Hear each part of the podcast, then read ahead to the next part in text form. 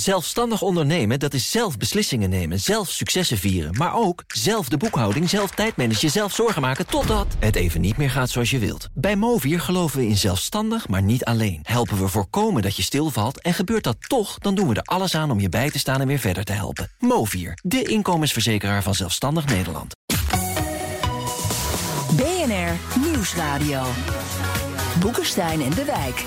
Hugo Rijksma ongekende beelden uit Wit-Rusland. De protesten tegen Alexander Lukashenko. Het zijn betogers in Belarus massaal de straat opgegaan. In the end, dictators can never win against their people. Belarus is ontwaakt en er is een vreedzame revolutie gaande. We are with you, we stay with you.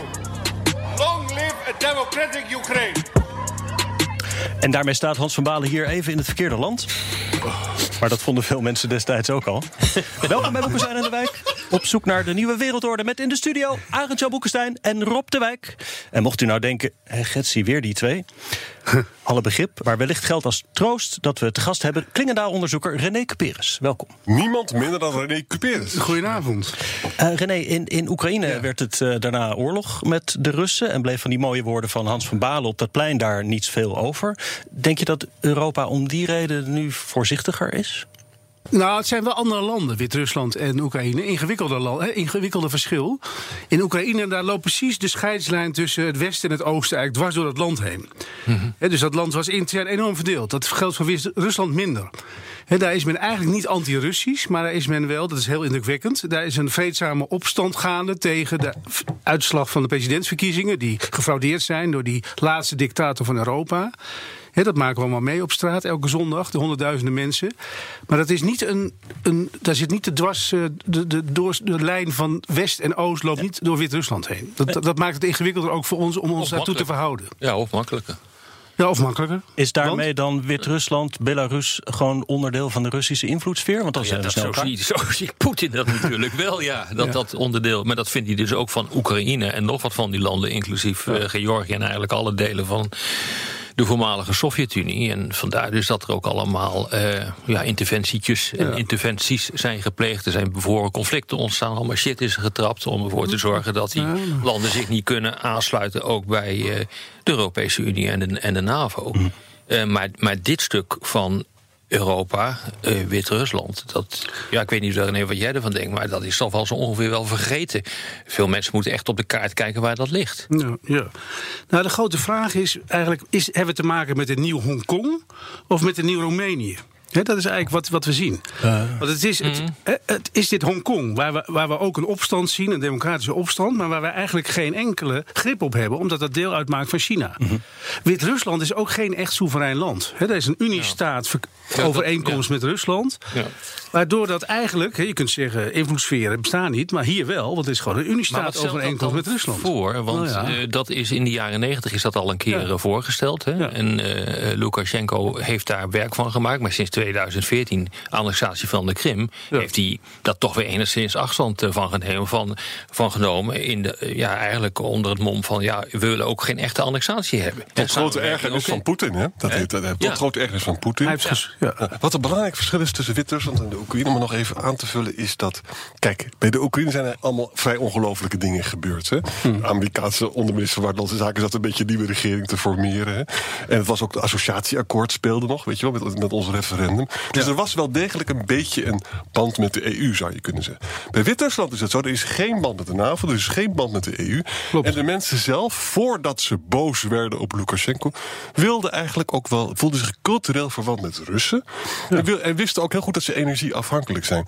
Maar nu is er wat gebeurd. En dat is lijkt erop dat Poetin Lukashenko overeind wil houden. En Lukashenko is zeer impopulair in Wit-Rusland. En dat betekent dus mhm. dat de Wit-Russen door zullen gaan de straat op te gaan. En daar is ook een zwakke plek van Poetin. Want Poetin wil niet dat de Russen Net zoals in Gabarovsk, weet je wel, bij de Chinese grenzen. Dat die in opstand komen. En dus het is, Poetin is, op, is, is, toch ook zwakker dan je zou denken. Met een Wit-Russisch probleem en met Gabarovsk. En, en de vergiftiging van Navalny heeft ook nu in Rusland uh, veel meer uh, deining veroorzaakt. Hè? Maar wat, wat ik niet begrijp, hè, dat zijn we allemaal weer vergeten. Je leest er ook weer niks over. Een paar maanden geleden waren er berichten in de kranten dat de Wagner-groep, hè, dat is een soort hitteam, waar uh, het uh, onder, onder leiding van een, een oude Groeman. Een Groe, dat is, uh, laten we zeggen, het hitteam van het uh, ministerie van uh, Defensie, om het maar even heel simpel te zeggen. Van Rusland. Van Rusland. Die, hebben, die zijn daar ingetrokken. Ja. Er zijn pakweg 30, 35 arrestaties gepleegd. Het idee bestond dat uh, dat, dat hitteam, de, de, de, de Wagner-groep, uh, probeerde om Lukashenko weg te krijgen. Ja. En een pro-Russische pro-Poetin ja, ja. uh, aanhanger daarin te krijgen. En nu uh, gaan we er heel gemakkelijk vanuit dat in één klap uh, Poetin altijd van Lukashenko gehouden heeft en dat hij hem dus in het zadel wil houden. En dat is dus niet zo. Een gespannen verhouding tussen die twee Ja, landen. absoluut. Zeg al jarenlang. Maar, maar wie weet nou wat hier aan de hand is? Want dit is toch curieus wat hier aan de hand Nee, is. maar Poetin maakt er niet zoveel uit wie daar de sterke man is. Hè, als het maar een pro-Russische Ja. marionet is. Exact. Dat is uiteindelijk wat Ja, om gaat. dat was dus kennelijk Lukashenko niet. Nee. Totdat hij geconfronteerd Ja. werd met zijn eigen foutloze verkiezingen. En een, Ja. een vo- bevolking die dat niet pikte. Nee, precies. Is dat het ongeveer? Ja, nee, dus ik het sluit niet uit dat, dat Lukashenko ooit vervangen wordt door een andere pro-Russische marionet in de Ja. komende periode. Ja. Dat is een van de plannen van Rusland. Kijk, en de grote vraag is natuurlijk: hoe moeten wij ons als Europa hiertoe verhouden? Eh, hebben wij enige invloed daarop?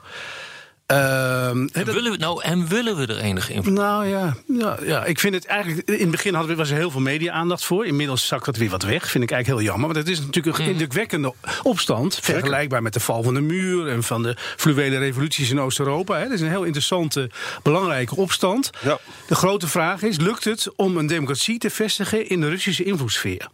Dat is uiteindelijk. Hè, want Ja. we moeten oppassen, denk ik, om er een westerse invloedssfeer van te maken. Ik ben heel blij dat Verhofstadt nog niet in Minsk staat, zou ik maar zeggen, en Van Balen. Dat is niet verstandig. Dat zou Dat niet verstandig zijn. niet, nee. dat moet je niet doen. Wij moeten niet Wit-Rusland binnen de EU en binnen de NAVO willen halen. Dus en dat zeggen de Duitsers ook met zoveel woorden. Maar dat doen we ook niet, hè? We doen het ook niet. Nee, met hoogst. Nou ja, de inlichtingendiensten zijn wel met dat soort dingen bezig. Hè? Pas op.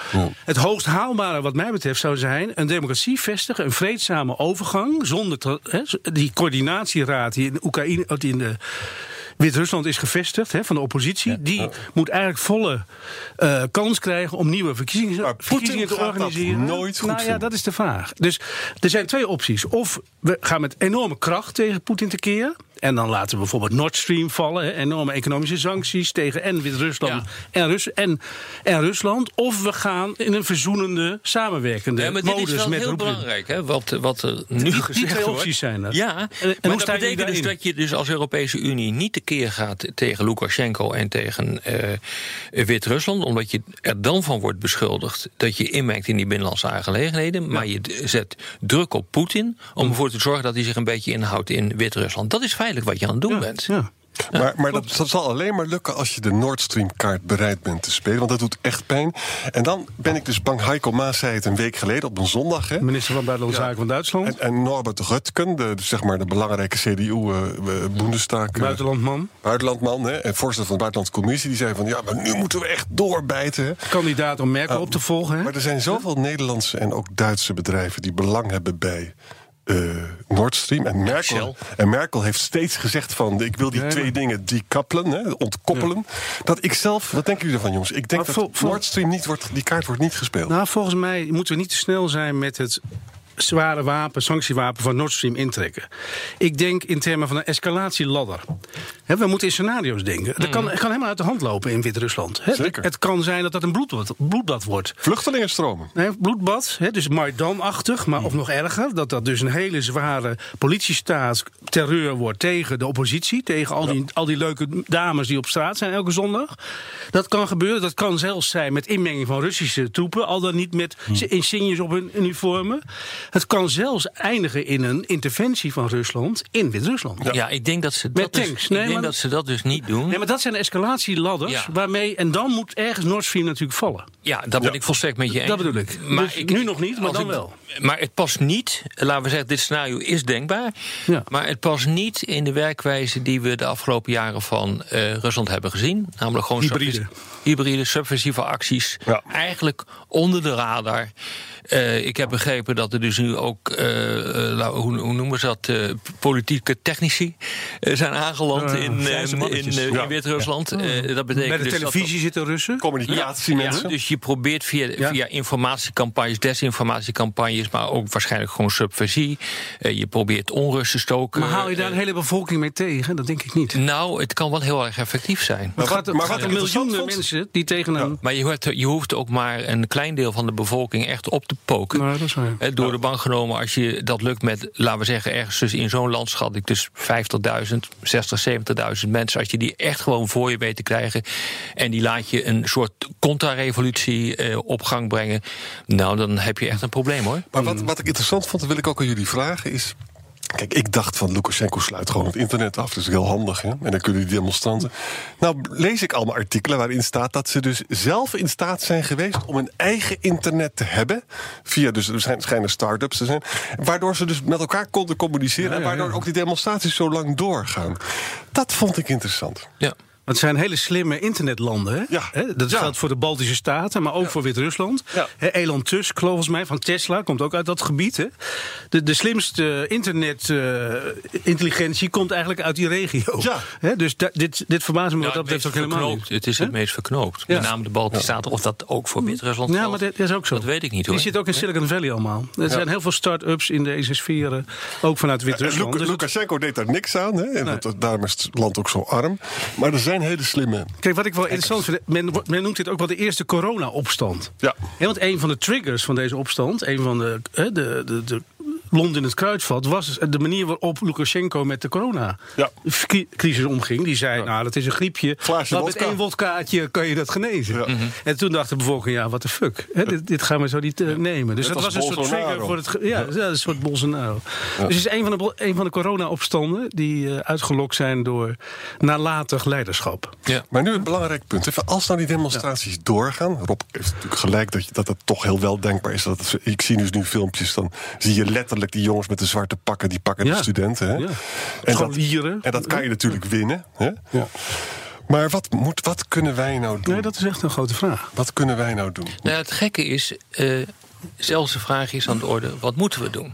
Ja. Want jij zei net, uh, Arend-Jan, uh, dat... Ik, ik zei niet voor Hongkong, hè? Ja, er is een, geen relatie tussen de Europese Unie nee. en Wit-Rusland. Wit en dat is niet zo, want ze zijn onderdeel van het Oostelijk Partnerschap. Klopt, ja. En het Oostelijk Partnerschap is met betrekking tot uh, Wit-Rusland zeer nadrukkelijk in het leven geroepen. Ze zijn erbij getrokken omdat Wit-Rusland binnen de invloedssfeer steeds sterker van Rusland werd getrokken. Dus een geopolitiek proces uh, geweest. Ja, ja. Uh, daar, zat Polen, zat er, Polen zat erachter, uh, daar zat Karel Bildt zat erachter, ja. om dit voor elkaar te krijgen. Mm -hmm. Dus de Zweedse, de Zweedse premier destijds. En eh, daar is dus wel degelijk een, een reden om je ermee te bemoeien. Want dat wordt formeel gedaan via het Oostelijk Partnerschap. En als je dus kijkt hoe dat in elkaar steekt en hoe, uh, welke regels en afspraken erachter zitten, dan heb je, heb je wat dat betreft wel een, een redelijke reden om daar iets eh, van te vinden. Maar pas op, hè. Oh. ja. Ik, ik, weet dat ik er bijna niet meer tussen kom. ik, nog één reactie plaatsen. ik ben het zeer met Rob eens. Alleen, uh, kijk, de, de, de, de, titel van deze uitzending is... laten we de Belarusen in de steek, ja of nee? En het antwoord is ja en nee. Ja. Hey, nou, we weten nee, nee is, nou nee, maar je ziet in Litouwen, in Polen en zo... daar is maximale mobilisatie en steun voor die opstand. Hè? Dus dat, je had dat hele lange lint door Litouwen ja, heen, hand in hand. En, wij zijn een beetje naïef daarmee bezig in Nederland. Maar in, de, in die regio is dit het, het issue. En wordt die opstand en die oppositie enorm gesteund. Die zitten zelfs allemaal in Litouwen en in Oekraïne en in Polen, hè, die, de oppositie. Dus, dus in Oost-Europa is dit het is issue. Als je kijkt naar de ministers van Buitenlandse Zaken van Europa, dan zie je weer een enorme nalatigheid van de Europese buitenlandse politiek. Die is traag, die is verdeeld en die is niet urgent genoeg. ik las net een stuk ergens in een diplomatiek tijdschrift dat de sancties die we eigenlijk bedacht hebben tegen de repressieapparaten in Oekraïne, of in uh, Wit-Rusland, worden op dit moment tegengehouden in Brussel, omdat er een koppeling is gemaakt met sancties tegen Turkse oliebedrijven door Cyprus en Griekenland. Ja. Weet je wel? dat is dus alle reden waarom die sancties tegen de Lukashenko-clan niet van toepassing kunnen zijn. Omdat Cyprus en Griekenland daar weer een totaal Dat- politiek spel van die gemaakt vetoen hebben. dat, ja. Die vetoen we dat. En op die manier zijn we als Europa, hè, hoe, hoe handelingsbekwaam we ook in theorie zouden kunnen zijn, zijn we helemaal niet handelingsbekwaam. En ik ben eigenlijk ook voor een Europese Veiligheidsraad voor dit soort high politics-achtige kwesties. Ja, daar ben ben ik het mee eens. Hè? Over die Europese dynamiek zo verder. Ik zeg even tussendoor, Sorry. voor zover ik er nog tussen kom. eh, BNR Nieuwsradio. op zoek naar de nieuwe wereldorde. Dit is Boekenstein en de Wijk. En dat programma is natuurlijk niet zonder Arendtje Boekenstein en Rob de Wijk. Mijn naam is Hugo Reitsma en onze gast is René Cuperus, onderzoeker verbonden aan het instituut Klingendaal. Even naar de straat. Want de moedige mensen in, in Belarus houden vol met die, die demonstraties, vreedzaam tegen de vervalste verkiezingen. Lukashenko houdt ook vol en blijft gewoon zitten. Wie denken jullie dat de langste adem heeft? Ja, ik ben ontzettend bang dat eh, uiteindelijk die zwarte mannetjes hè. Daar ben ik bang voor. Aan de andere kant, het is, ook, de andere kant het is ook zo dat. Het is een drama, zou het zijn, toch? Het is een enorm drama. En wat er ook aan de hand is, als Poetin heel duidelijk Lukashenko zou steunen, dan is hij gewoon dus de gunst van het Wit-Russisch. Ja. Wat er eigenlijk gebeurt is dit. Dit, wil- dit wilde ik zeggen. Kijk, in de Oekraïne waren er een aantal mensen die waren op het Westen gericht. In Wit-Rusland was dat van origine niet. Nee. Door deze ontwikkelingen zijn veel mensen in Wit-Rusland hun ideologische knopen gaan tellen. En gaan zeggen van ja, maar wij willen echt meer transparantie en meer democratie. Democratie, geen corruptie. Ja. En dat is Nee, dat natuurlijk, en dat is voor Poetin natuurlijk een hele nare ontwikkeling. Nee, dat is het bedreigende voor Poe- Poetin. Zijn grote angst is natuurlijk... dit zo'n soort opstand gaat ooit in Moskou plaatsvinden. Exact. Ja. En daarom misschien wel wordt zo'n Navalny vergiftigd. Misschien, hè, half vermoord. Omdat dat een potentiële leider van zo'n soort opstand in Moskou had kunnen Maar zijn. dit is een van de belangrijkste dus- redenen van de enorme animositeit van Poetin ook in de richting van het, eh, van het Westen. Ja. Omdat de beschuldiging er is dat hij al die revoluties eh, die er zijn geweest, van Oekraïne tot Georgië tot, Dat wij die Mol- organiseren. tot Moldavië, dat wij die organiseren. En eh, het moet gezegd worden, het Westen heeft altijd zeer positief tegenover de, Mm. de meeste van die revoluties gestaan. Maar dat wil nog niet zeggen dat ze daadwerkelijk geïnitieerd zijn of actief gesteund zijn. En is dat niet dus zo? Wordt er, is er geen inmenging? Ja, wat heet nou eigenlijk inmenging? Op het moment dat jij Er is wel je dus, inmenging. eh, er is, Ik ja, reis heel veel door ja. Europa, ook door Oost-Europa. Met de E- Friedrich Ebert Stiftung, hè, een stichting in Duitsland van de SPD. Die heeft overal vestigingen in Minsk en in Moldavië. En die traint daar de oppositie van Lukashenko. Ja. En de, die, de Democratische Partij van Amerika heeft ook dat soort stichtingen. Ja, dat is wat ik bedoel. Dat die is- werden ook ja. door Poetin eruit geflikkerd in Ja. Moskou. Maar da- dat soort beïnvloeding, als we heel eerlijk zijn, vindt dat plaats. Oh, Omdat natuurlijk, wij maar dat verkeerde- hechten aan democratische waarden. Maar en, dat gebeurt omgekeerd ook. Zij ook, ja. Eh, want zij proberen ook hier eh, allerlei fellow travelers en nuttige idioten Ja. te ronselen voor de Russische zaak, ook in Nederland. Zo dat is het. weten we gewoon. Ja. Nee, de- eh, maar ik interpreteerde de vraag zo dat. eh, is het zo dat wij dat hebben, wij Westen, dat hebben aangestoken eh, door, ehm, eh, door allerlei subversieve activiteiten uit te voeren? In Oekraïne wel, denk ik. Ja, maar Als niet- je die maar het Amerikaanse, hè, die Amerikaanse ambassadrice, die was gewoon bezig om de Ja, Oekraïnse regering... ook Ja, die? Ja, Ik vergeet altijd haar naam. om- getrouwd met Robert Kagan. Ja, maar die zijn gewoon bezig om de Oekraïnse regering samen te stellen. Ja. Vanuit Washington. Ja. Hè? Ja. Dat, dat is ook een werkelijkheid, hè? Ja. En gelukkig zijn dat, gaat het om democratische waarden. Maar Ja. dat soort powerplay is natuurlijk wel gaan. Ja, maar het is niet zijn. zo, volgens mij, mee eens dat er vanuit het Westen staatsgrepen worden georganiseerd in die landen. Dat is niet zo. Nee. Ik bedoel, daar is nooit een hard bewijs van geweest. Maar dat die invloed er is, natuurlijk. Al is het alleen maar omdat veel van die landen gewoon lid willen worden van de Europese Unie. Alleen al dat verschaft een enorme invloed. Dat zien we op de Balkan ook. Dat zien we in. eh, Soft, soft power van Europa. ja, dat, dat, dat zie je. op- Victoria Nuland. ja. ja. Nou, het was geen eh, minister, maar goed. Nee, ambassadrice. Nee, het was ook geen minister, was onderminister. Ambassadrice in... Onderminister van Buitenlandse Zaken. Ze zat daar Buitenlandse letterlijk, zat ze daar dus de nieuwe regering een beetje te ja, doen. Ja. Wie Tuk was doet dit soort dingen altijd. Dat komt er goed uit natuurlijk. Oh, ja. Zullen we even eh, Poetin de Europese eh, kant van de zaak bekijken? Want Goeie we zien vriend van mij, alvast. in Europa een aantal landen dat meer misschien op de kant van Rusland is. Maar ook Baltische staten en Polen bijvoorbeeld, die een harde lijn voorstaan. Ja, er zijn NGO's in Litouwen die dus echt heel erg gericht zijn op Wit-Rusland, lees ik dan. Polen is inderdaad een hardlijn. Die wil ook nu al met sancties beginnen. hè? Want die is natuurlijk ook gewoon bang voor, eh, voor Rusland. Maar ja, dan krijg je het grotere verhaal in de EU. We moeten die sancties doen. Dus dat duurt erg lang. Hè? Ik las ook een stukje erover. Italië wil natuurlijk niet. Orbán waarschijnlijk ook niet. En, uh, maar aan de andere kant, Tsjechië wil dus wel weer Nord Stream. Is tegen Nord Stream. Dus het is een heel complex schaakspel. Ja, ja. ja. Dat maakt de verdeeldheid van Europa ook tot een nou probleem. Ja, maar je, je, noemde net ook even dat, uh, dat idee van de Europese Veiligheidsraad. Hè, dat is gelanceerd door, uh, door Merkel. dat is nu omarmd door Macron. Ja. ja. Dat is echt interessant. Uh, je ziet natuurlijk dat door de brexit... en dat is buitengewoon mm interessant wat er nu gebeurt... Uh, eigenlijk er een verdeling is gekomen in Europa. Uh, laten we zeggen, de Duitsers kunnen het economische tent runnen... en uh, Frankrijk kunnen qua buitenlands beleid de, de tent runnen. en dus maakt zo'n idee veel meer kans om dat voor elkaar te krijgen. En je ziet nu ook hè, tijdens de top van juli... hoe de kleintjes, inclusief Nederland, gewoon toch eigenlijk een beetje naar de zijkant eh, zijn geschoven. En dat, dat dit motorblok van Europa hmm. in belangrijke mate de dienst uitmaakt. Dus ik moet nog zien wat hier gaat gebeuren. en of er niet op termijn een dergelijke veiligheidsraad gaan komen. En als Duitsland en Frankrijk het eens zijn over een actie in de richting. Dan gebeurt het. Dan gebeurt het gewoon. Maar, dan maar, gebeurt het. maar, maar, maar de lakpoestest is dan echt Nord Stream, vind ik. En realiseer je dat uh, Turkije is volgens mij geen lid van de Europese Unie. Nee, dat, volgens mij is dat geen lid. Wel van de NAVO helaas. Ja. staat wel heel lang in de wachtrij, maar die laten we in de wachtrij staan. Maar denk je dat ik, ik, ben overigens wel voor lidmaatschap van de Engeland, UK, van de Veiligheidsraad van Europa. Zeker. Ja. Dus het is niet zo dat een dat, dat, Engeland, dat is de E3, uh, heet dat dan. In, in, ja, in, omdat de nucleaire mogendheid is en lid is van de Veiligheidsraad. Maar goed, ik bedoel, dan denk ik dat in dit soort kwesties het Verenigd Koninkrijk gewoon meespeelt. Ja, die doet mee. Die gaat gewoon mee. formeel of niet. Ja. Maar dus daar ben ik zeer voor. Ik, onverlet dus de vraag van wat gaan we nou doen in de richting van. Maar mijn, mijn probleem is wel, maar dat is een ander onderwerp misschien. Hè, dus dat, dat corona-herstelfonds. Dat, dat is nou net de verkeerde Europese energie. De Europese energie zou buitenlands gericht moeten zijn op zo'n veiligheidsraad. Nou, het is wel handig als je je land een beetje economisch nee, op de poten weet te nee, maar dat wordt gesteund door Europese bevolkingen. Ja. Maar zo'n zo'n verdeeld coronafonds tussen Noord en Zuid en Oost en West, dat verdeelt Europa meer dan nou, het, is wel. Er is echt, nee, nee, ben, ben het daar volstrekt niet mee eens. Maar nee, daar moeten we eens een keer een, een andere discussie maar, over maar, hebben. Want, maar dat is high politics en low politics. Want er is wel even wat gebeurd hoor in juli.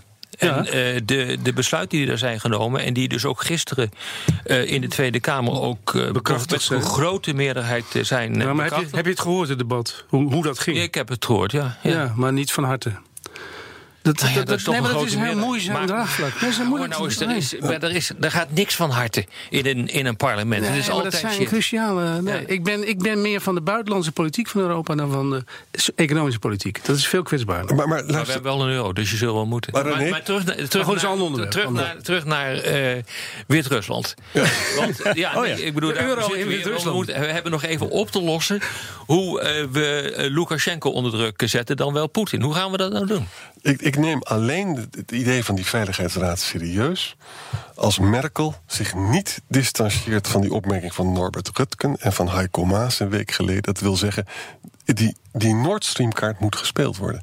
En als dat gebeurt, dan zegt Poetin: hé, hey, ze doen wat. Die jongens kunnen wat. Mm -hmm. En dat gaat hem namelijk geld kosten. Het gaat hem serieus geld kosten. En die gasprijs is al laag. Hij luistert alleen naar kracht. Hij luistert huh? alleen maar naar brute machtsontplooiing. En, en, waar ik bang voor ben, is dat de Shell, de Shells van deze wereld natuurlijk gaan winnen. Mm -hmm. Als ik uh, tot slot ja. nog even terug mag komen waar we begonnen, namelijk bij Hans van Balen. Die schreef deze week in een opiniestuk als voorzitter van de Europese Liberalen. had bij Oekraïne gedreigd met en Nord Stream. en het afsluiten van Rusland van het betalingsverkeer. Dan was het misschien anders afgelopen. Nou ja, dat is kunnen? gedreigd met, uh, met het af, afspitsen of afschakelen van Rusland destijds met Oekraïne van het betalingsverkeer. SWIFT. Dat heeft te maken met SWIFT. Oh ja. Maar dat is niet algemeen bekend. Maar wat daar gebeurd is op een gegeven ogenblik is dat op het moment dat uh, Russische troepen dreigden Oekraïne binnen te vallen, is er gedreigd om uh, Rusland uit SWIFT te gooien. Als dat was gebeurd, dan had het hele bankaire systeem platgelegen van mm. Rusland en was Rusland gewoon in de richting van een economische meltdown gegaan.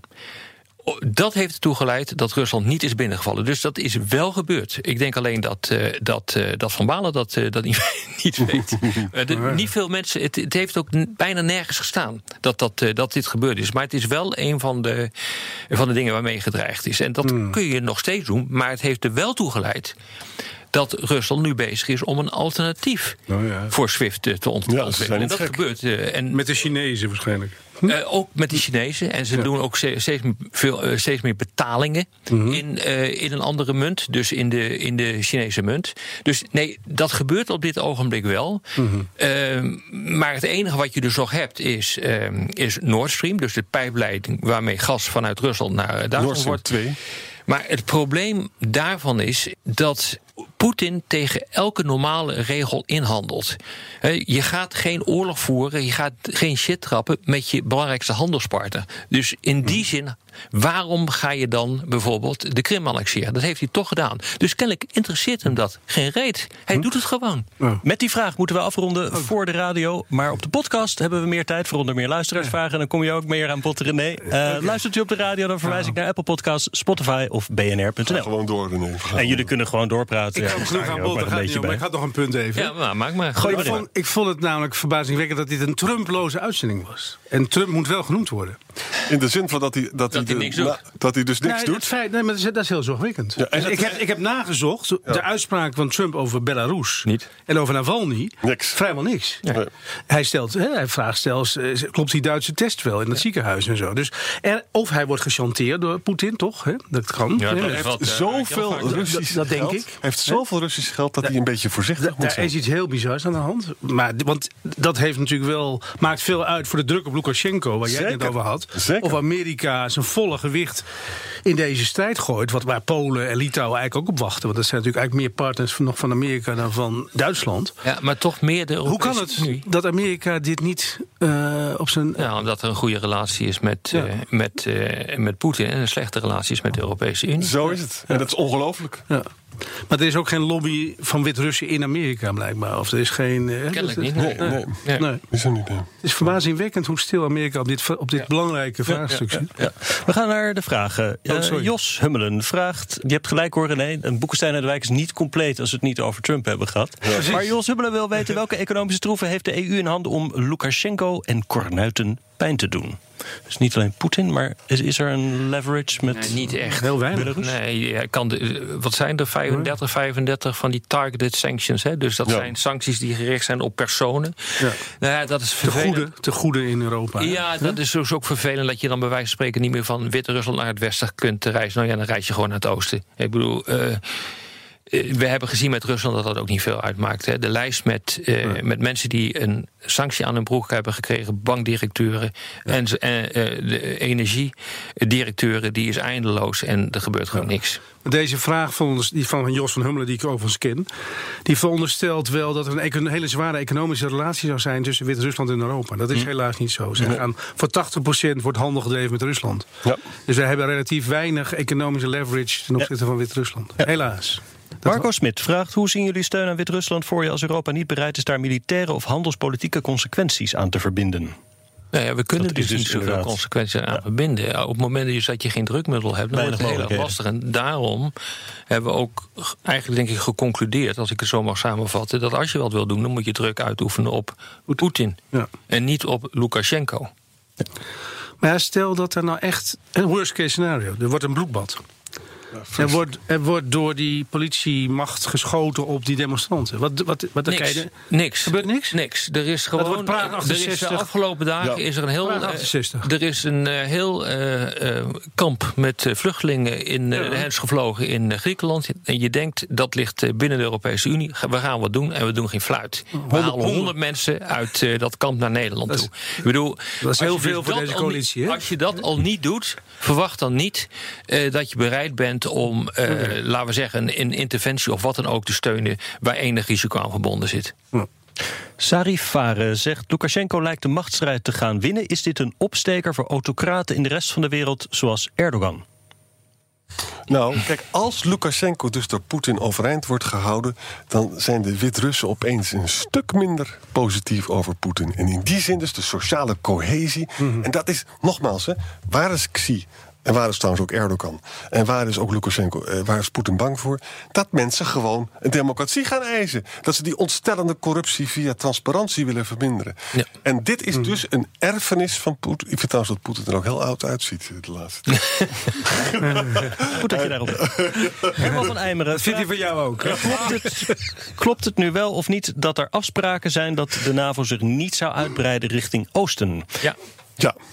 Dat, dat, nee, sorry, eh, dat klopt niet. Oh. Eh, daar, daar zijn geen afspraken eh, over gemaakt. Dat, eh, Mondeling afspraken. nee, er zijn eh, suggesties gedaan in die richting. Eh, maar dat ligt veel complexer. Maar die zijn, er, die zijn er niet gedaan, niet formeel gedaan. Nee. En, eh, En ook geen beloftes dat de Oekraïne NAVO zou komen. Ik, ik was redelijk dicht zat ik bij het vuur in die tijd. Omdat ik in die tijd bij Defensie werkte. Toen speelde dat allemaal. Ik ben het nooit tegengekomen. Toen ik vervolgens nou, nog eens een keer een boek over heb geschreven... ben ik er nog een keer ingegaan. Heb de hoofdrolspelers eh, gevraagd. En het antwoord is, die zijn er nooit geweest. Er zijn wel discussies over geweest. Dat klopt. Amerikanen wel. De Amerikanen hebben ook nooit gezegd van... wij gaan de uitbreiding eh, naar het oosten niet voortzetten. Maar het, eh, het is helemaal ten onder gegaan in de discussie over de eenwording van Duitsland. Los daarvan is de vraag of het wijs is. Hè? Dat is niet wijs. Nee, want eh, Of het Georgië wijs is, of Montenegro wijs is. Het is, het is zeer, zeer de vraag of dat... Ik denk dat het heel wijs is. Omdat we anders één groot Oekraïne hadden gehad aan onze oostgrenzen. En eh, dat hadden we ook niet kunnen hebben. En we zien nu op dit ogenblik op de Balkan wat er gebeurt als je ze niet incorporeert. De grote machtsstrijd in Europa vindt plaats op dit ogenblik zichtbaar op de Balkan. En eh, dat creëert een instabiliteit en dat wil je gewoon niet. Nee, maar, maar helaas, het tragiek is, ook incorporeren is geen garantie. Zie je Hongarije, zie je Polen. Nee, maar, eh, Nee, maar zelfs EU-leden hebben, hebben, hebben, hebben grotere contacten met China dan met ons. bijna. Nee, dat is niet waar. Nou ja. En maar- al volstrekt niet. Er zijn drie Hongarije- grote projecten eh, gelukt in, eh, in, in Midden- en Oost-Europa van de Chinezen. En that's it. Het, dat, valt, dat wordt enorm overdreven. wat daar Orbán krijgt miljarden van de Brusselse vleespotten. Dus we hebben leverage daar. Orbán van Hongarije. Dus we hebben Daar leverage. willen we juist vanaf. Kijk jongens, en het, Polen hè, is een mooi voorbeeld van een land... eh, wat heel vergelijkbaar was met Oekraïne. Zelfde uitgangspositie. Ongeveer dezelfde grootte, niet helemaal. Maar als je dus we. terug gaat rekenen... eh, dan is eh, Polen er ongeveer vier keer beter mee geworden. Eh, er is geen burgeroorlog. Het is een redelijk stabiel land. We mogen hun waarden niet delen. Maar het is wel een land dat geen shit veroorzaakt. En Oekraïne wel. En dat moeten we ook. Ja, dat is ook ja. daar een, eh, een voordeel van. Maarten van Wely vraagt waarom laten we deze buffer tussen EU en Rusland niet volledig aan Rusland? Rusland zal heel stekelig reageren, dat is bij toeruiming tussen Oekraïne en de EU. Is tevens een belofte geweest tussen Westen en Rusland? Nou, dat laatste hebben we het, maar mo- moet de buffer niet eh, een buffer blijven? Helaas voor de mensen. Nou, ben benieuwd wat jullie ervan vinden. Nou, eerlijk gezegd, weet je, even Die gaat te erover, komen. Dat punt, als Ja. je voor dat er een bloedbad ontstaan, hè, wij, punt. wij kunnen daar niet interveneren. Trouwens, wij zijn ook militair niet bereid om daar te interveneren. We zijn namelijk in een hele slechte staat in de NAVO. En, en Trump doet al Dat helemaal ontkent Rob niks. volgens mij. Die vindt dat wij een veel sterker leger hebben dan wij denken. Maar denk je dat Nee, dat Macron, nooit gezegd. maar denk je dat Oh. Macron bereid zou zijn om dan iets te gaan doen? Dat Nee, gaat dat, niet gaat- gebeuren. dat kan helemaal niet. Nee. We Het are not trigger happy. Het is gewoon te ver weg. Ja. Limbo Trader vraagt waarom treden we niet harder op tegen Belarus en de Russische machthebbers? Willen we zo graag spulletjes aan ze verkopen dat we geen principes meer hebben? We Ja, maar verkopen je nauwelijks. moet ook de mogelijkheden hebben om het te doen. En als je de mogelijkheden niet hebt om heel hard op te treden, dan kan je wel heel hard schreeuwen. Maar als je geen vuist kan maken, dan stelt het allemaal geen reet voor. En dat is precies wat er op dit ogenblik aan de hand is. We hebben nauwelijks betrekkingen Ja. met ze. Nee, daarom zeg ik steeds, het zou wel eens het Hongkong-scenario kunnen zijn. Ja, en dan is de vraag wat er gaat gebeuren. Want de vorige vragensteller, eh die zei ook van die bufferzones, waarom laten we dat niet over aan Rusland? Een van de redenen, het heeft ook te maken met het feit eh, waarom er nooit echt een rem is gezet door het, oosten, door het Westen op de uitbreiding naar het oosten van de EU en de NAVO, is dat wij vinden dat mensen zelf moeten kunnen bepalen hoe ze hun politieke systeem inrichten en waar ze bij horen. En eh, de- realiseer dat Yeltsin eh, het verzoek heeft gedaan eh, om lid te worden van de NAVO. Hè? En Yeltsin wilde van zijn land een democratisch uh, land maken. Nou, is natuurlijk allemaal feilloos. Te, terecht dat hij afgezet is. In ja, ja, maar dat heeft hij gedaan. Ik heb die, die, die, brief bestaan. Ja, ja, ja. maar er is een ander, ander punt nog, wat ik nog wilde noemen. Elke zondag vinden er hele grote demonstraties plaats in Bulgarije, in Sofia. Ja. Vinden, wordt bijna niet waargenomen in, in West-Europa. Mhm. Elke zondag vindt er een opstand plaats, vergelijkbaar met zo'n Minsk-opstand in de EU, tegen een maffiastaat in Bulgarije. Tegen Hè, een van de mhm. regeringsleiders van Europa. Ook zelfs binnen de EU zijn wij niet in staat om regime change af te dwingen zelfs met onze Europese waarden en de Europese Commissie en met geld en zo. Dus dat moet in, in Bulgarije zelf geregeld worden. En we spelen daar wel een rol in door, door iets, die echt corrupte, corruptie aan te pakken, mhm. maar eigenlijk heel licht. Dus dat geeft even aan hoe complex het vraagstuk is waar we het hier over hebben. Maar je hebt te maken met soevereine staten. Ja. Ik bedoel, als ja, maar zelfs binnen de EU. Ja. ook, dat, ook die staten, ik bedoel, Thierry Baudet en Wilders willen dat allemaal niet geloven, maar dat zijn gewoon soevereine staten die dus ook het recht hebben om een klerenbende van te maken Precies. in eigen land. En dat doen ze ook. Wat grote overgave. Sluiten we af met nog eentje van Jos. Benieuwd of jullie hier een antwoord op hebben. Die vraagt: hoe kijken ze in Kiev naar de gebeurtenissen in Belarus? Ja, dat hangt er vanaf denk ik met wie je spreekt. Dat is een goede vraag. West of Oost? Ik denk dat Kiev uh, heeft nu al te maken met... Wij kennen elkaar uit Kiev. Ja, wij kennen elkaar uit Kiev. Kiev heeft nu al te maken met vluchtelingen uit Wit-Rusland, las ik. Hm. En verder is het zo dat... Oh ja, de, Oppositieleiders zitten er. Ja, Oekraïne heeft het veel slechter gedaan dan Polen. Jouw verhaal klopt. Hè? Maar als je het nu vergelijkt dus met... Als je nou een land wil hebben dat het echt verkloot heeft... dan is het Lukashenko met Wit-Rusland. Ik bedoel, met die Sovgozen en die Koolgozen... daar kun je dus echt geen enkele groei nog krijgen. Hij heeft nog een KGB, heeft hij, hè? Ja, en, en met Oekraïne gaat het nu iets beter. Het groeit. Mhm. en, en dus de Oekraïne voelt zich een beetje beter dan dit. Dus wij zijn een stukje verder. Mhm. Ja. Maar ik denk dus, die vraag, dat dat moeilijk te... Dat, dat hangt er maar net vanaf met wie je spreekt. Ik denk dat uh, degenen die destijds voor het associatieakkoord waren, dus niet Russisch waren, dat die dat heel erg mooi vinden wat daar gebeurt. En dat het andere deel van de bevolking dat er helemaal niks vindt wat, daar, uh, wat daar gebeurt. Sorry Jos, het was een goede vraag. Boeken zijn naar de wijk. Namens Arjan Boeken zijn er op de wijk zeg ik dank voor het luisteren. Speciale dank aan René Cuberes. En tot volgende week.